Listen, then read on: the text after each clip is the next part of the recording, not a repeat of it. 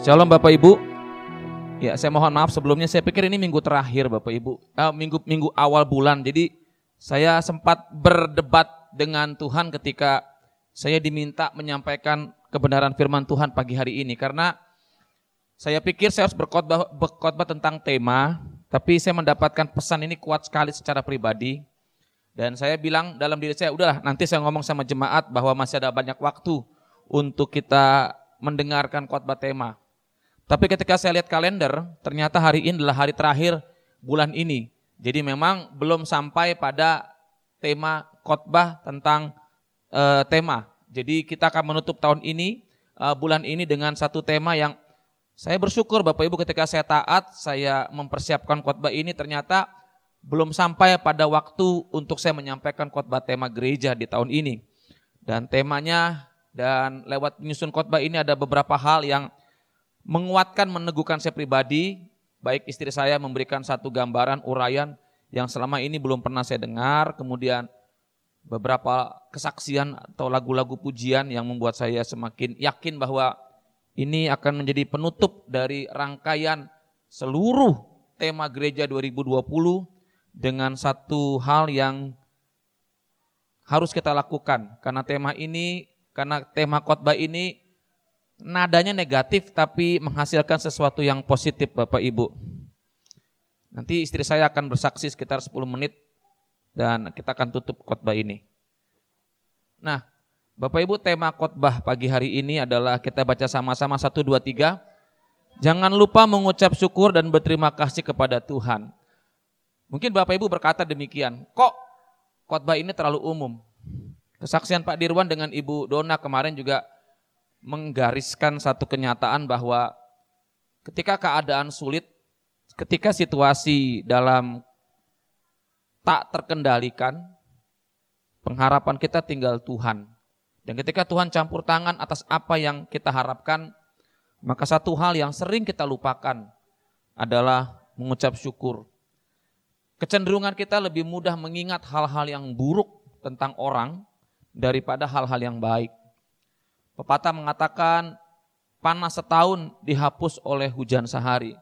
Kebaikan selama satu tahun sering kali menjadi hilang karena keburukan orang dalam satu kali tindakan bagi kita.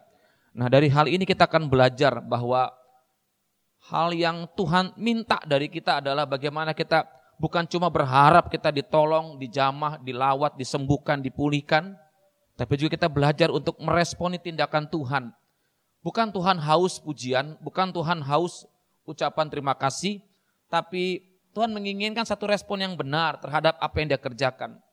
Tanpa terima kasih kita, tanpa ucapan syukur kita, dia tetap Tuhan yang baik, tetap Tuhan yang mengasihi kita. Cuman masalahnya adalah bagaimana kita belajar untuk bisa menjadi pribadi yang semakin menghargai anugerah Tuhan.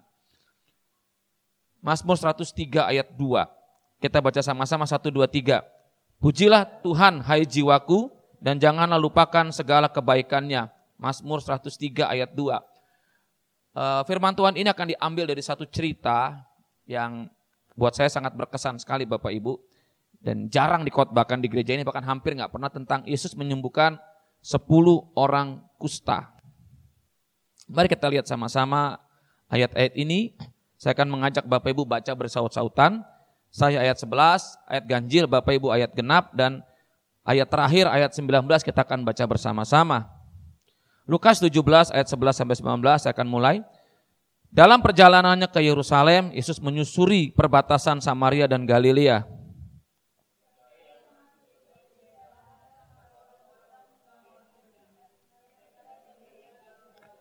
Dan berteriak, Yesus, Guru, kasihanilah kami.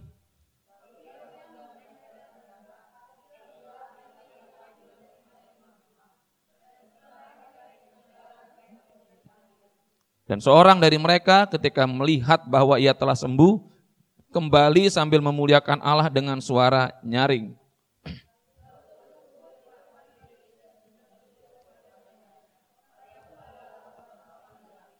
Lalu Yesus berkata, bukankah ke sepuluh orang tadi semuanya telah menjadi tahir? Di manakah yang sembilan orang itu?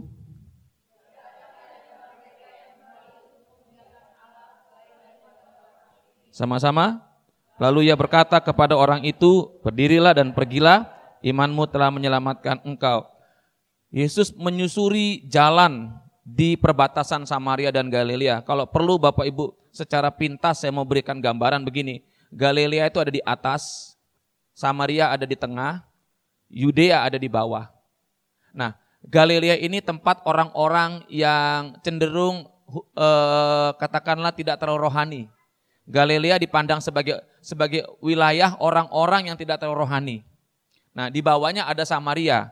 Orang Yahudi memandang Samaria sebagai orang-orang yang kafir atau terkutuk. Maka itu mereka menjauh dari orang Galilea, orang Samaria, orang Samaria. Di bawah Samaria di, di selatan ada daerah Yudea. Yerusalem itu di Yudea. Jadi waktu Yesus dari Yerusalem pergi ke Galilea dan kembali ke ke Yerusalem, jalan pintasnya itu harus melalui daerah Samaria. Jalan pintasnya itu tiga hari. Kalau orang Yahudi tidak melewati jalan lewat Samaria, itu bisa enam hari. Yesus menyusuri perbatasan Samaria dan Galilea. Dan di daerah situ ada perkampungan yang memang dikhususkan untuk orang-orang kusta. Kenapa? Karena orang-orang kusta adalah orang-orang yang diasingkan dari masyarakat. Kita lihat dulu tentang penyakit kusta secara pintas Bapak Ibu supaya mengerti betapa dahsyatnya penyakit ini membuat orang begitu terasing. Nah, penyakit kusta atau lepra dalam pandangan Yahudi ya, bukan sekedar penyakit biasa. Penyakit ini adalah kutukan yang membuat orang yang mengidapnya menjadi najis. Dalam agama Yahudi ada 61 macam sentuhan yang bisa menajiskan. Urutan pertama yang menajiskan adalah menyentuh mayat. Jadi orang Yahudi tidak boleh menyentuh mayat. Yang kedua yaitu menyentuh orang kusta. Jadi menyentuh mayat itu disamakan dengan menyentuh orang kusta, najis tingkat tinggi.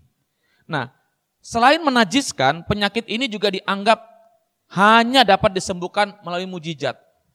Para rabi Yahudi bahkan menganggap bahwa penyembuhan terhadap penyakit kusta ini sama sulitnya dengan membangkitkan seorang dari kematian. Jadi orang kalau sudah kena kusta itu disamakan dengan mati. Maka itu di dalam zaman Yesus Kristus itu diasingkan. Nah, pada zaman Yesus di Yerusalem dan semua penderita, semua penderita kusta dilarang masuk. Bukan cuma Yerusalem, tapi kota-kota yang memiliki benteng. Jadi mereka harus ada di luar kota tidak boleh masuk. Itu sangat menajiskan kota. Jadi orang kusta kalau megang tembok kota aja itu tembok kotanya najis. Bayangkan. Sampai demikian ekstrimnya. Karena kusta ini dipandang sebagai kutukan. Dan tidak mungkin sembuh. Hanya mujizat yang bisa menyembuhkan. Naaman, Gehasi, Miriam, itu disembuhkan oleh Tuhan langsung. Nah, harus ada di luar kota atau desa. Maka itu di perbatasan Samaria Galilea, kenapa ada 10 orang kusta? Karena di situlah orang kusta ditampung. Di daerah mana? Samaria. Karena orang Yahudi berpikir Samaria adalah tempat orang-orang yang terkutuk, orang-orang yang tidak rohani, orang-orang yang e, menyembah dewa, menyembah Baal. Jadi ditaruhlah orang kusta di daerah Samaria. Yesus mau ke Yerusalem tidak melewati jalan biasa kayak dari sini dia melewati jalan Sintang, Ngabang, uh, Sungai Pinyu, Pontianak. Tapi di jalan pintas, sini Sungai Ambawang pintas, lebih cepat. Orang Yahudi nggak pernah melewati jalan pintas, biarpun enam hari perjalanan mereka rela asal tidak menjadi najis. Nah, orang-orang kusta ini tidak boleh bergabung dengan masyarakat. Di bait Allah ketika waktu-waktu tertentu mereka disediakan ruangan ibadah yang sempit, kecil dan terasing Bapak Ibu. Nah ini gambaran supaya kita mengerti.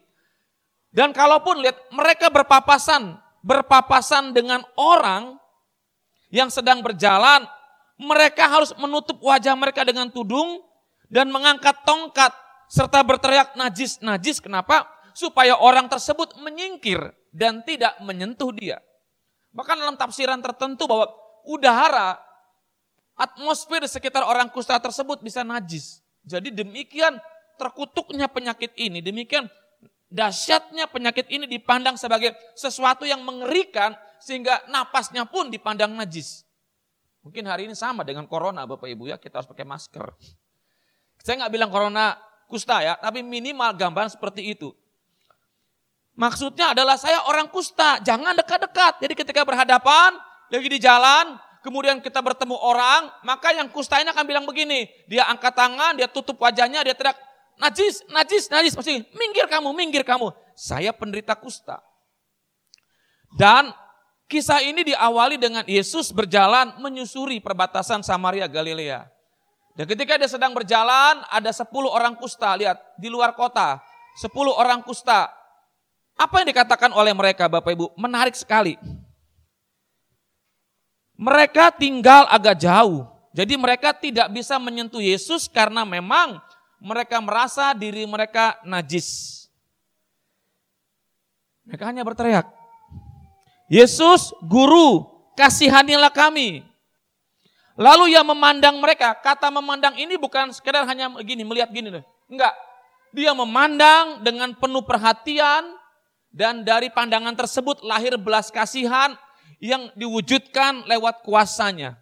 Jadi bukan cuma mandang sekilas, tapi pandangannya itu memiliki makna dalam teks aslinya itu memandang dengan penuh perhatian, di mana dia memandang dengan penuh perhatian dan dari pandangan tersebut lahirlah satu belas kasihan yang nantinya akan menyembuhkan. Nah yang luar biasa Bapak Ibu, saat orang kusta ini minta belas kasihan Tuhan, Tuhan nggak bilang gini, Tuhan nggak jamah, Tuhan nggak sentuh, Tuhan cuma bilang begini, Pergilah perlihatkan dirimu pada imam-imam. Kenapa pada imam-imam? Karena Tuhan sudah menyembuhkan mereka. Hanya imam-imam yang berhak menyatakan mereka sembuh. Nah perjalanannya dari perbatasan Samaria menuju Yerusalem itu tiga hari Bapak Ibu. Jadi saat mereka mentaati perintah Tuhan, mereka segera bergerak untuk menuju Yerusalem di, di, di sana. Apa yang terjadi? Di tengah jalan di tengah jalan artinya sudah satu setengah hari atau dua hari perjalanan dari tempat ini terjadi mujizat.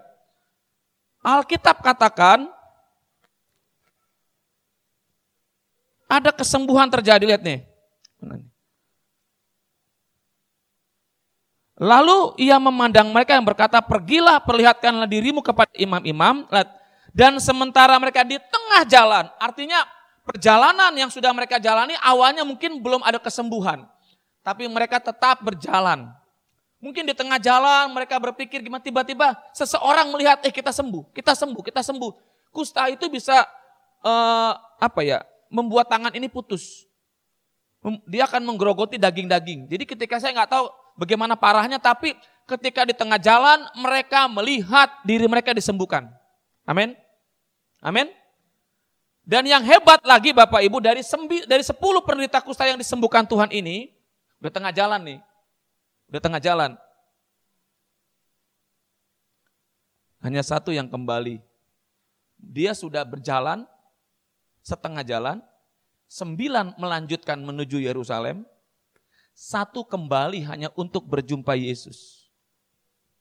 Secara manusia kita nggak bisa menyalahkan. Oh orang kusta ini kan pengen bertemu imam untuk meyakinkan bahwa dia sembuh.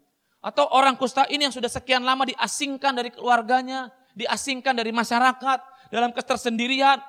Mereka merasa sembuh, mereka ingin menunjukkan pada keluarganya, mereka rindu, mereka kangen, mereka ingin dipeluk keluarganya kembali. Ada satu hasrat yang lebih besar daripada sekedar hanya berjumpa dengan Yesus. Karena dia sudah disembuhkan, dia harus berjumpa dengan keluarganya.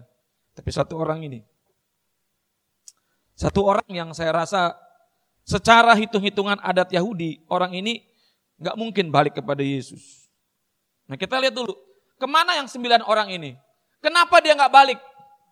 Saya merangkum dari beberapa tafsiran-tafsiran komentator, balik dari Martin Luther, Calvin, seperti ini dikatakan begini.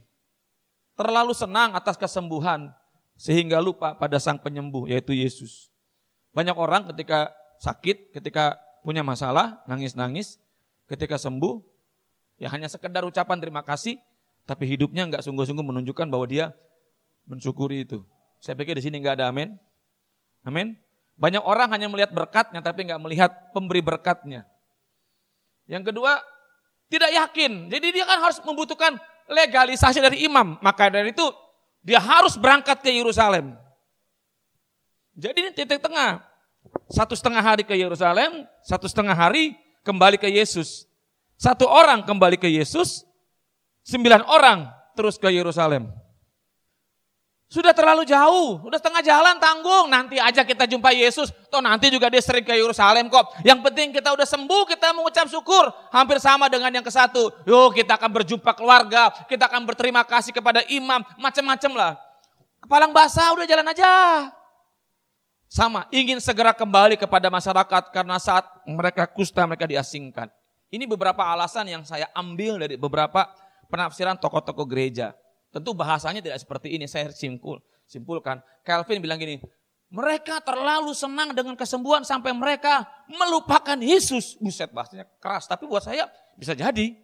Lihat, sembilan orang tuh begini, terlalu senang, wah saking euforianya, biasa kan ya, dia bebaskanku, dia lepaskanku, dia pulihkanku. Oke, tapi dia lupa siapa yang memberi, betul nggak? Banyak orang suka dengan hadiah tapi lupa untuk mensyukuri, berterima kasih kepada pemberi hadiah. Tidak yakin, ah imam ini belum kita temui, siapa tahu belum sembuh, ayo kita ke sana dahulu. Ah udah kepalang basah nih, udahlah kita ke Yerusalem dulu lah, nantilah kita bisa jumpa Yesus, ada waktunya lah. Terus aku udah sembuh nih, aku udah kangen anak istriku, kangen tetanggaku, kangen masyarakatku, aku pengen cepat-cepat. Alasan ini secara manusia tentu saja dapat diterima. Tapi kita lihat dari sembilan orang yang pergi ke Yerusalem, satu yang balik. Waktu dia balik, apa yang terjadi? Teks aslinya itu dia nggak pakai kata proskuneo. Dia balik ketika Bapak Ibu bayangkan berjalan pulang pergi hampir tiga hari, capek nggak? Pulangnya pasti lari, betul nggak? Pengen terburu-buru. Nah, saking terburu-burunya Alkitab memakai kata-kata dia menjatuhkan diri. Kalau proskuneo itu menyembah. Ini menjatuhkan diri, saking senangnya, saking capeknya, saking bercampur jadi satu, dia menjatuhkan diri di hadapan Yesus. Yesus lihat, apa kata Yesus? Bukankah ke sepuluh orang tadi semuanya telah menjadi tahir? Wah. Dia tanya sama yang lain eh, bukankah sepuluh orang itu sembuh? Di mana yang sembilan orang itu? Apakah Yesus nggak tahu orang itu ke Yerusalem? Tahu. Cuma pertanyaan ini seperti pertanyaan retorik yang mengatakan begini. Hujan nih. Bukankah tadi sudah terang, kenapa sekarang hujan? Sudah jelas jawabannya, tapi dia ingin menegaskan bahwa kok bisa begini mereka buat orang-orang sekeliling yang tahu. Tidak adakah di antara mereka yang kembali untuk memuliakan Allah selain daripada orang asing, bilang sama-sama orang asing. Bukan orang Yehuda, bukan orang Yahudi, orang asing yang tahu berterima kasih sama Yesus. Lalu ia berkata, berdirilah dan pergilah imanmu telah menyelamatkan engkau. Kenapa menyelamatkan engkau? Karena kusta dipandang kutukan Tuhan.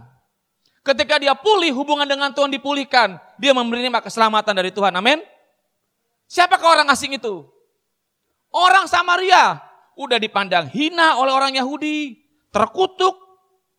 Kafir. Kena kusta lagi. Lengkap penderitaannya. Lengkap kehinaannya. Diasingkan, tapi ketika dia menerima perjumpaan dengan Tuhan, Tuhan yang mendatangi daerah mereka, seharusnya Tuhan gak boleh lewat situ, tapi dia lewat situ. Dan di situ berjumpa dengan 10 orang ini, orang Samaria ini yang sudah merasa terhina, terasing, gak ada gunanya, terbuang, dipandang terkutuk. Dia terima mujizat Tuhan, dia tersungkur. Kalimat memuliakan Allah dengan suara nyaring memperlihatkan betapa bahagianya ia. Lihat dia capek, dia berjalan tiga hari, satu setengah hari, bolak balik tiga hari. Saya tahu dia lapar, dia nggak peduli. Mungkin orang-orang lihat dia isi kusta itu kan, kok sudah sembuh, kok sudah sembuh. Dia berlari, dia menjatuhkan diri, dan dia berteriak memuliakan Tuhan dengan suara yang nyaring. Semua orang dengar, dan dia tersungkur memperlihatkan bahwa dia betul-betul menyadari bahwa Yesus pribadi yang bukan pribadi biasa, karena kusta hanya bisa disembuhkan oleh Tuhan. Artinya Yesus adalah Tuhan. Yesus nggak nolak gini, eh jangan nyembah aku. No, dia terima penyembahan ini. Karena konsepnya kusta hanya bisa disembuhkan oleh Tuhan. Dan ketika terjadi mujizat dibuat oleh Tuhan, amin. Maka dari itu dia menyembah. Dia tersungkur.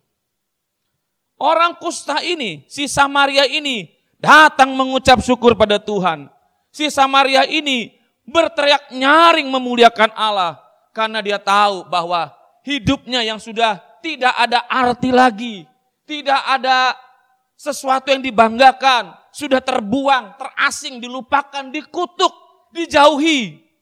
Mendapatkan kasih karena dari Tuhan. Tuhan yang begitu populer waktu itu, begitu terhormat, mau mendatangi tempat mereka. Bahkan Tuhan itu juga menyembuhkan mereka. Dia mengutamakan bahwa yang terpenting bahwa bukan mujizat yang dia terima, tapi pemberi mujizat itu harus tahu. Dia tahu berterima kasih. Ucapan Tuhan ini sangat pedas loh.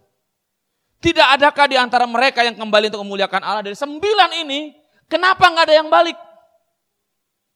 Tentu mereka punya alasan. Tapi alasan mereka menjadi mentah karena si Samaria ini datang untuk berterima kasih pada Yesus. Saudara, berapa banyak berkat yang kita terima hari-hari ini? Tentu bilang banyak. Tapi berapa banyak ucapan terima kasih yang kita ucapkan pada Tuhan atas semua berkat yang Tuhan berikan. Saya berdoa kepada Tuhan dan Tuhan ingatkan dalam tahun-tahun kemarin, Tuhan bawa saya dari dari kondisi yang tidak mungkin. Tuhan angkat saya, saya sempat merasa merasa drop Bapak Ibu. Saya merasa pelayanan saya seperti sia-sia. Ada rasa kok saya seperti ini ya. Kemudian Tuhan ingatkan, satu hari saya doa dan Tuhan ingatkan seperti ini Bapak Ibu. Bahwa saya sudah mengerjakan banyak hal bagi Tuhan. Dan tidak perlu orang memuji saya karena apa yang sudah saya kerjakan itu. Dan tidak perlu saya menerima pujian dari orang karena itu bukan kualifikasi perkenanan Tuhan. Saya cuma bilang gini, akhirnya Tuhan bilang gini, Tuhan tunjukkan banyak hal yang selama ini saya mungkin anggap anggap biasa gitu. Berapa kali saya bisa keluar negeri, berapa kali saya bisa bertemu pemimpin-pemimpin tinggi, berapa kali saya bisa bersama orang-orang hebatnya Tuhan. Berapa kali saya bisa didoakan mereka. Tuhan ingatkan seperti itu. Tuhan ingatkan ketika nikah di saat e, mengalami kebuntuan pembiayaan, tiba-tiba ada cara Tuhan menolong.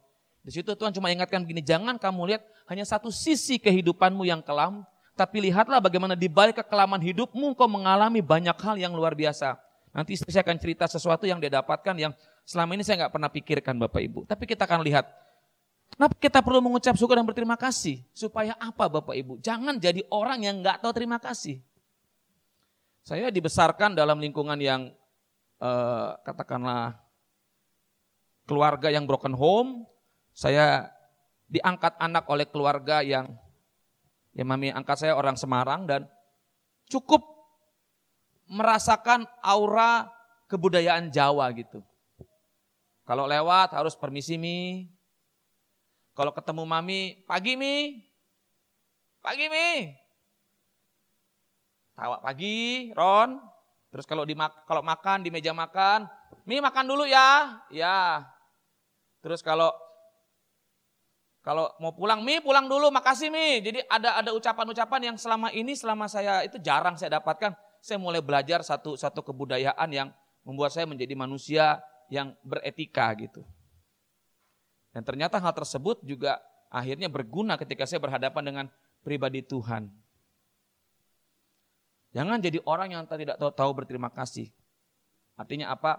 Sekecil apa pun jasa orang atau jasa Tuhan pada hidupmu, apa yang diperbuatnya mengubah jalan hidup kita hari ini. Amin. Engkau mau bilang bagaimanapun tanpa pertolongan dia, hari ini mungkin belum tentu kita seperti ini. Amin. Mungkin kau di tengah jalan, ban motormu pecah, tiba-tiba ada seorang bapak yang menolong engkau. Mungkin kau nggak sempat mau minta minta pertolong, minta ucapan terima kasih, tapi kau bilang sempat bilang Tuhan terima kasih buat dia. Minimal kau sudah berterima kasih pada Tuhan atas dia. Itu lebih baik daripada kau anggap dia kebetulan saja. Berapa banyak kita bersaksi yang kata-kata kebetulan, kebetulan, kebetulan. Segala sesuatu nggak ada yang kebetulan. Amin. Sekecil apa pun jasa orang pada kita, mau kita anggap remeh, tapi melalui pertolongan dia, kita diluputkan dari hal-hal yang buruk. Amin. Oleh sebab itu, kenapa kita perlu berterima kasih? Pertama, berterima kasih adalah perintah Tuhan. 1 Tesalonika 5 ayat 18. Ucapkan syukur nantiasa, itu yang dikehendaki Tuhan dalam diri kita. Belajar mengucap syukur. Setiap budaya pasti ada etika. Saya ingat waktu saya pertama ke Meliau, ketika ada seorang anak lewat depan saya, ditegur sama satu uh, orang tua, eh kamu jangan lewat depan orang tua nggak boleh, lewatnya harus di belakang. Jadi misalnya ada ngumpul di sini ke belakang, Pak mau lalu. Jadi saya harus duduk begini. Hmm. Benar. Tanya Samuel tuh. Betul nggak? Betul nggak? Jadi nggak lagi kumpul. Ini lagi, orang tua nih, kita lagi nih. Ini kalau di Jawa diapain Pak? Cewek cabut keris Pak ya. Tak udak-udak. Di Kalbar juga. Lagi nih, misi om mau, mau, mau, mau lalu. Oh, ada ini lagi. Sana gua. Eh ada opung. Jebol tembok. Enggak begini. Maaf. Om? Tante? Maka itu di pastori anak-anak sekarang Pagi om, wah oh, senang saya. Pagi tante, iya ujung-ujungnya ada teh manis tante. Nggak apa-apa. Jadi kalau orang bertamu ke gereja, enak lihat anak-anaknya beretika. Pagi om, bahkan tung-tung pun disapa. Pagi tung-tung, tung-tung bilang, auk. Ah, Anam jawab, auk juga. Kalau kita bisa belajar berterima kasih, mengucap syukur pada orang yang kelihatan, pasti sama Tuhan juga. Percaya deh. Karena gimana kita mau berterima kasih sama yang gak kelihatan. Kalau yang kelihatan kita gak pernah hargai. Mengucap syukur adalah bentuk penghargaan dan pengakuan akan Tuhan dalam hidup kita. Saat kita berterima kasih, mengucap syukur, kita mengakui Tuhan berjasa. Tuhan punya peran, Tuhan punya andil dalam hidup saya. Jangan cuma nyanyian yang kita nyanyikan, tapi hidup kita nggak pernah menunjukkan bahwa bagaimana andil Tuhan dalam hidup kita. Nyanyi gampang. Aku mengasihi engkau Yesus. Nyanyi gampang, apakah salah? Enggak juga. Nyanyi itu sebetulnya sama juga dengan nazar. Bukan nazar KDI yang seperti mati lampu, bukan. Tapi kita mengucap syukur, menghargai, mengakui bahwa Tuhan punya andil, kasihnya, kuasanya, penyertaannya, berkat-berkatnya. Ketika Tuhan ingatkan serangkaian jalan hidup saya dari orang yang gak jelas menjadi orang yang jelas. Saya nangis Bapak Ibu. Kalau hari ini apa pun yang kita hadapi kita bisa begini, kita bisa begitu. Izinkan engkau berterima kasih pada Tuhan karena mau hari ini kau sedang terpuruk, Tuhan gak pernah tinggalkan kita karena tangan Tuhan sedang merenda suatu karya yang agung dan mulia. Saatnya kan tiba nanti. Kau lihat pelangi kasihnya. Menutup peluang bersungut-sungut. Israel itu gagal masuk ke tanah perjanjian dan dibuat berputar selama 40 tahun itu karena bersungut-sungut. Bersungut-sungut adalah bukti bahwa dia tidak pernah mensyukuri kebaikan Tuhan, bukti dia tidak mengakui keberadaan Tuhan dan berkat-berkatnya, bukti dia merasa lebih hebat dari Tuhan. Kenapa dosa sungut-sungut itu begitu kuat menghambat? Karena itu dosa yang membuat orang Israel tidak menghargai Tuhan, tidak mengakui rencana Tuhan, menyesali keputusan Tuhan. Pokoknya intinya kalau Tuhan seperti ini, aku nggak mau ikut kau lagi. Dengan mengucap syukur kita menutup peluang bersungut-sungut. Amin. Maka itu belajar punya waktu di kaki Tuhan untuk kita belajar menyembah dia, memuji dia, mengagungkan dia mengubah sikap dan cara pandang kita dari sikap egois yang mementingkan diri sendiri kepada kepada sikap kasih Tuhan. Habakuk 3, 17, 18, 19. Sekalipun pohon ara tak berbuah, pohon anggur tak berbunga, pohon zaitun mengecewakan, ladang-ladang tak menghasilkan, tapi aku tetap beria-ria. Mengubah cara pandang dari mengasihani diri sendiri. Aku merasa orang termiskin di dunia. Udah cocok belum? Yes? Ricky gimana kita duet? Yang penuh derita bermandikan. Uh. Pokoknya dia merasa tuh jadi korban terus gitu. Padahal dia banyak membuat orang jadi korban dengan tindakan dan ucapannya gitu. Nggak sadar kan? Ini jelek. Pokoknya di mata dia tuh nggak ada yang sempurna. Pokoknya dia paling baik. Penilaian dia itu sesuatu yang harus diakui kebenarannya. Bahkan Tuhan pun bisa kalah. Ini seperti ini. Habakuk dia nggak lihat keadaan, dia nggak egois, dia lihat Tuhan. Yeremia, inilah yang kuingat, inilah yang kurenungkan. Kasih Tuhan tak berkesudahan, tak habis-habisnya rahmatnya. Oleh sebab itu aku berharap penuh. Saudara kalau lihat kenyataan tentu kita kecewa. Kita belajar lihat Tuhan supaya apa? Supaya kita bisa menutup semua persungut-sungutan kita. Karena setan suka kita bersungut-sungut. Saya nggak bilang saya sempurna. Belajar dari hari ke hari Dan selalu belajar mengingat kebaikan Tuhan. Lihatlah sisi-sisi positif dari orang, walaupun mungkin kita jengkel dengan dia. Lihatlah sisi-sisi positif dari orang lain yang sedang menjelekkan kamu, yang sedang mengata-ngatai kamu, yang mengecewakan kamu. Pasti ada sisi positifnya kenapa Allah biarkan itu terjadi. Tentu ada maksud Tuhan. Amin. Amin. Amin. Jadi belajar untuk berpikir positif dan itu perlu latihan. Bukan doakan, dilatih. Enggak bisa langsung maaf kata. Turunlah pikiran positif, langsung tiba-tiba Nggak bisa, lu dilatih. Lihat Pak Edi, ya, betul. Membawa kita mengalami mujizat, amin. Ketika di penjara, Paulus itu nggak ngomel, ah Tuhan nih katanya berkuasa. Dia nyanyi muji Tuhan. Dia nyembah Tuhan. Bahkan ada mujizat pelipat gandaan. Ketika orang-orang lima, ribu orang ikut Tuhan kelaparan. Yohanes katakan dia mengawal dengan mengucap syukur. Terjadi mujizat pelipat gandaan. Mengucap syukur. Itu penting karena di situ engkau menghargai, menyetujui, menghormati Tuhan. Dan Tuhan bekerja lewat ucapan syukur kita. Amin. Mengucap syukur. Tapi gimana om? Iya kau belajar, kau belajar. Maka itu banyak di ruang doa, banyak di kaki Tuhan. Supaya unek-unek kita, perasaan yang tersungkap, ter, tersumpal, itu keluar. Keluar, biarkan sampah kita keluar di hadirat Tuhan. Dia nggak jijik kok, orang kusta aja didatengin, disentuh. Apalagi cuma perasaan, unek-unek kejengkelan. Ungkapkan. Dan ketika itu dikosongkan dari hati kita, bejana hati kita ini dibersih, turunlah ucapan syukur dari Tuhan, membuat kita bisa menyanyi dan kita menangis. Kau bilang gimana sih doa om susah? Ya karena kau berpikir doa itu sesuatu yang bersikap liturgis. Ngomong masalah enggak. Kau belajar dari hati yang paling dalam. Jadi dua hari ini doa saya capek Bapak Ibu. Karena saya tidur jam jam 1, bangun jam 3. Tapi saya dapat dua hal ini saya bilang.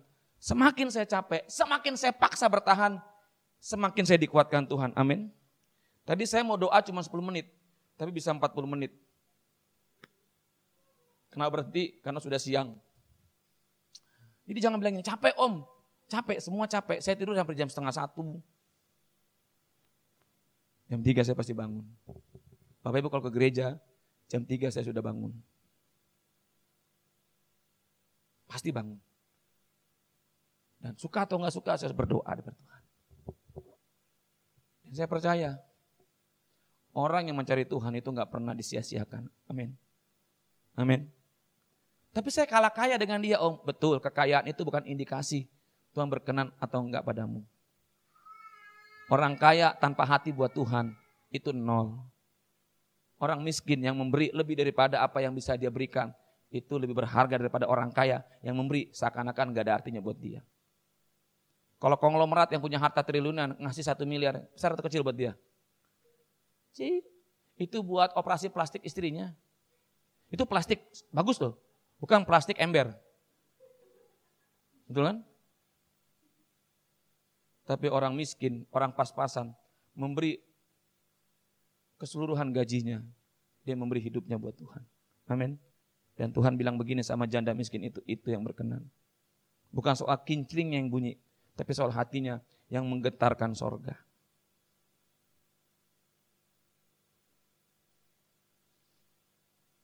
Kesimpulan adalah nanti istri saya bisa bersaksi sebentar, 10 menit istriku.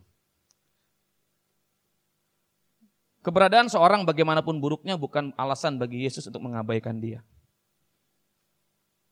Orang kusta, orang Samaria, saya merasa seperti orang kusta. Orang Samaria yang kalau bukan Tuhan tolong saya, is impossible. Bagaimana Tuhan menolong lewat Pak Eras dari sisi-sisi negatif kehidupan saya, saya pernah melakukan kesalahan fatal sampai gembala tempat saya melayani melaporkan dan mengusir saya dari gereja. Yang menerima saya di gerbang adalah Pak Eras. Sudah nak, kamu sama Bapak saja. Ketika orang mandang saya negatif, menghakimi saya, saya punya Bapak rohani yang menjadi pribadi yang mengcover saya. Kalian tanya kenapa om nggak pindah? Itu urusan nanti kita akan jelaskan. Saat kita berseru kepadanya, berseru. Ia memperhatikan kita. Gak pernah orang yang berseru sekecil apa pun dalam batin yang gak terdengar pun Tuhan gak perhatikan. Roh Kudus itu menyelidiki hati. memperhatikan, menyatakan kasih serta kuasanya. Tidak harus ada mujizat, tapi minimal kita mengalami pemulihan dari batin hidup kita. Sehingga kita mengalami pemulihan, kesembuhan, keselamatan darinya. Kalau saudara bisa melihat saya seperti hari ini, saudara nggak akan percaya bahwa lewati proses yang begitu menyakitkan sehingga hari ini saya bisa ada sebagaimana saya ada. Istri saya boleh bersaksi sebentar. Kan saudara nggak pernah mendengar siapa saudara, siapa gembala saudara sesungguhnya. 10 menit, my darling. Can you speak? Uh, saya akan terjemahkan in Indonesian language. Uh, please, welcome Mrs. Ernest Veronica from Zimbabwe, Pak. Deg-degan juga sebenarnya ya. Udah dingin saya di situ mau maju ke depan. Tapi uh, satu hal yang saya mau katakan kepada Tuhan dan kita semua, bahwa kehidupan kita ini adalah sebuah perjalanan yang harus ada Tuhan Yesus di dalamnya, supaya kita bisa melihat cara Tuhan memperlakukan kita kepada orang lain. Uh, khususnya tentang suami saya pribadi ya, kemarin padahal baru cerita-cerita sama dia. Tapi itu kenapa enggak pernah cerita kesaksian pribadi sendiri? Soalnya uh, saya sendiri mengalami langsung ya, saya termasuk istri yang kalau saya lihat sendiri termasuk cukup kuat lah mendampingi beliau. beliau dibesarkan dari keluarga, tadi beliau udah bilang, adalah keluarga yang sangat-sangat broken home. Tidak ada satu etika dari orang tua yang harus diterapkan kepada beliau. Makanya larinya ke gunung. Puji Tuhan ke gunung ya, bukan ke mana-mana. Dan di situlah uh, saya bilang sama beliau, karena larinya ke gunung, jadi harga sebuah kesetiaan itu yang uh, hambanya miliki dan itu yang membuat bertahan di pelayanan. Secara manusia saya pun juga rasanya angkat tangan untuk mendampingi beliau ya. Ini lihat sisi manusianya. Ada beliau saya jadi ceritakan. Waktu pertama menikah, masuk dalam rumah tangga, saya kaget-kaget dengan beliau. Kenapa? Karena saya kan tidak pernah lihat seperti kayak begitu. Kita ada dalam rumah tangga yang ada ayah, ada ibu, komplit gitu. Jadi kita bisa tahu aturan-aturan. Saya mendapatkan suami yang tidak punya aturan. Ah.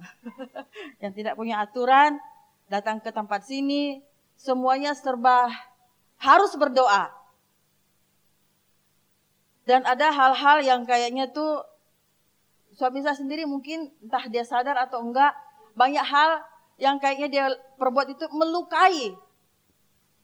Melukai saya sendiri sebagai istri maupun juga dahulu-dahulunya gitu ya dalam kehidupan berjemaat. Tetapi semakin ke sini gitu kami berdua uh, apa saya nggak sengaja lagi tuh ngomong sama hambanya kemarin gitu ya. Kalau aku mau nengok ke belakang sih kayaknya aku kayaknya dah nggak mau sama papi kalau nengok pertama. Syukur-syukur kau ganteng ya jadi ya. Terus yang saya dapatkan dari beliau itu memang kesetiaan. Karena setia ada daya tahan yang khusus dari Tuhan sehingga bisa setia dalam bertahan menghadapi apa pun ujian-ujian dalam panggilan khusus yang kami uh, dapatkan. Hari ini saya pribadi mengucap syukur sama Tuhan bahwa banyak hal, saya pun juga banyak kekurangan yang beliau juga mungkin kalau ceritakan gimana gitu ya. Yang hari ini saya bisa lihat bahwa dalam perjalanan saya menikah, Iren sudah umur berapa ya Ren? Lupa mami mana Iren? Umur berapa? umur 20. Berarti kita 21 tahun ya, Pi. Nah, dalam 21 tahun menikah, di tahun kemarin lah yang saya bisa melihat bahwa puji Tuhan apa yang saya tabur dahulu untuk hambanya lewat doa-doa pribadiku itu sungguh luar biasa Tuhan mengerjakan. Ada satu ayat yang dari dulu setiap saya berdoa itu yang timbul. Tuhan angkat hambamu suamiku dari lumpur dosa angkat dia dudukkan dengan para pembesar dunia. Dan ayat itu tergenapi terjadi dalam kehidupannya.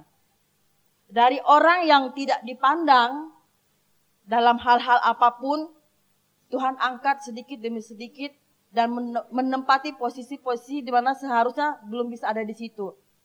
Ke mana-mana ke luar negeri, Tuhan kasih jalan luar biasa. Orang lain sampai capek ini, tapi dipermudah sama Tuhan sehingga bisa ke situ. Kita bisa menikmati banyak hal semua karena Tuhan. Intinya apa? Bahwa apa yang kita doakan, tangisan-tangisan kita yang ada di bawah kaki Tuhan, tidak pernah Tuhan lupakan. Ada saat, ada masanya Tuhan perlihatkan siapa Tuhan di dalam doa-doa yang kita naikkan bagi dia. Maka dari itu Bapak Ibu yang dikasihi Tuhan, saya bilang sama hambanya, saya juga mengucap syukurlah lewat papi saya bisa seperti kayak gini. Soalnya sebenarnya juga orangnya karena dari dulu sudah bekerja, sudah punya uang sendiri, apa-apa punya sendiri, saya bilang sebenarnya saya mampu sendiri. Tapi ternyata itu adalah hal yang salah. Ketika saya belajar menghormati pemimpin rumah tanggaku dan pemimpin dalam payung rohaniku, di situ saya melihat terbuka langit Tuhan. Jadi Bapak Ibu yang dikasih Tuhan, siapa pun yang ada di atas kita, dalam rumah tangga kita punya suami. Kita mau pintar sebagaimanapun, belajarlah untuk tunduk sama dia. Keputusan yang ada apa pun mau salah ya kita sama-sama jalanin. Dalam gereja kita punya pemimpin, belajarlah tunduk dalam otoritas karena kita sendiri yang nikmati apa yang kita akan dapatkan. Jadi uh, lewat beliau dari sisi hidupnya yang kelam, tapi beliau bisa dipilih Tuhan, dipanggil Tuhan, dan dijadikan hambanya itu adalah bukan perkara yang mudah saya bilang. Melewati proses-proses dari orang yang tidak terpandang, dari orang yang uh, karakternya, karakternya ya, yang harus benar-benar kita mengerti, tapi lewat semua kejadian yang diizinkan Tuhan dalam berjemaat, itu yang mendewasakan, yang membuat kita bisa melihat bahwa Tuhan tidak pernah tinggal diam. Dalam kejadian apa pun, mau itu atas diizinkan Tuhan lewat jemaat orang lain misalnya dengan Reren, misalnya tante komplek dengan dia atau apa, tapi pada saat saya sikapi secara benar hal tersebut yang yang menikmati siapa? Kita yang menyikapi secara benar. Ya, harusnya dia yang masuk Pak. Nah, poin terakhir, Pak. Tidak cukup sampai di situ, kita harus mengucap syukur. Satu hal yang sulit adalah jangan terjebak pada euforia sampai lupa pada Tuhannya gitu. Mari kita belajar mengucap syukur secara rutin, secara konsisten. Satu ayat yang lama yang saya dapatkan. Berilah kepada Tuhan kemuliaan namanya, bawalah persembahan dan masuklah menghadap dia. Sujudlah menyembah kepada Tuhan dengan berhiaskan kekuduskan, kudusan. Berterima kasih atau bersyukur, memuji dan menyembah Tuhan memang seharusnya menjadi respon kita, orang-orang yang telah menerima kasih dari Tuhan. Namun ada kepujian, syukur, dan penyembahan kepada Allah mengisi hari-hari hidup kita secara rutin. Karena kebaikan, kemurahan Allah tidak pernah habis-habisnya. Ratapan 3, 21, 22, 23 mengatakan, kasih Tuhan tak berkesudahan, tak habis-habisnya rahmatnya. Seharusnya dalam rutinitas Allah yang begitu konsisten, demikian juga kita meresponinya. Pujian, penyembahan, ucapan syukur kita harus mengisi hari-hari hidup kita sebagaimana kita menerima kebaikan dari Tuhan. Jika kita belum melakukannya, belum terlambat kita mulai hari ini. Kita mengucap syukur buat kebaikan Tuhan. Saya katakan ketika Pak Rubin Adi bersaksi di e, lagunya, saya berkata kepada diri saya sendiri, kok bisa ya? Dan saya melihat gereja ini juga sedang mengalami sesuatu yang orang tanya, kok bisa ya? Seperti orang lumpuh itu Mungkin mereka sudah hopeless, Yesus datang ke daerah mereka, dia berseru dari jauh. Secara singkat, tidak banyak-banyak, hanya Yesus kasihanilah kami. Dan Tuhan meresponinya dengan luar biasa. Saya katakan, sesederhana apa pun doamu, kalau lahir dari hati yang paling dalam, itu pasti Tuhan jawab. Amin. Dan jangan sampai di situ, tapi nanti kita belajar untuk mengembalikan kebaikan kemurahan Tuhan lewat apa yang bisa kita beri. Yang paling simpel adalah mengucap syukur Ketika Tuhan minta lebih dari itu, mari kita belajar untuk memberi karena sesungguhnya hidup kita sudah menjadi milik Tuhan. Kita berdiri bersama-sama.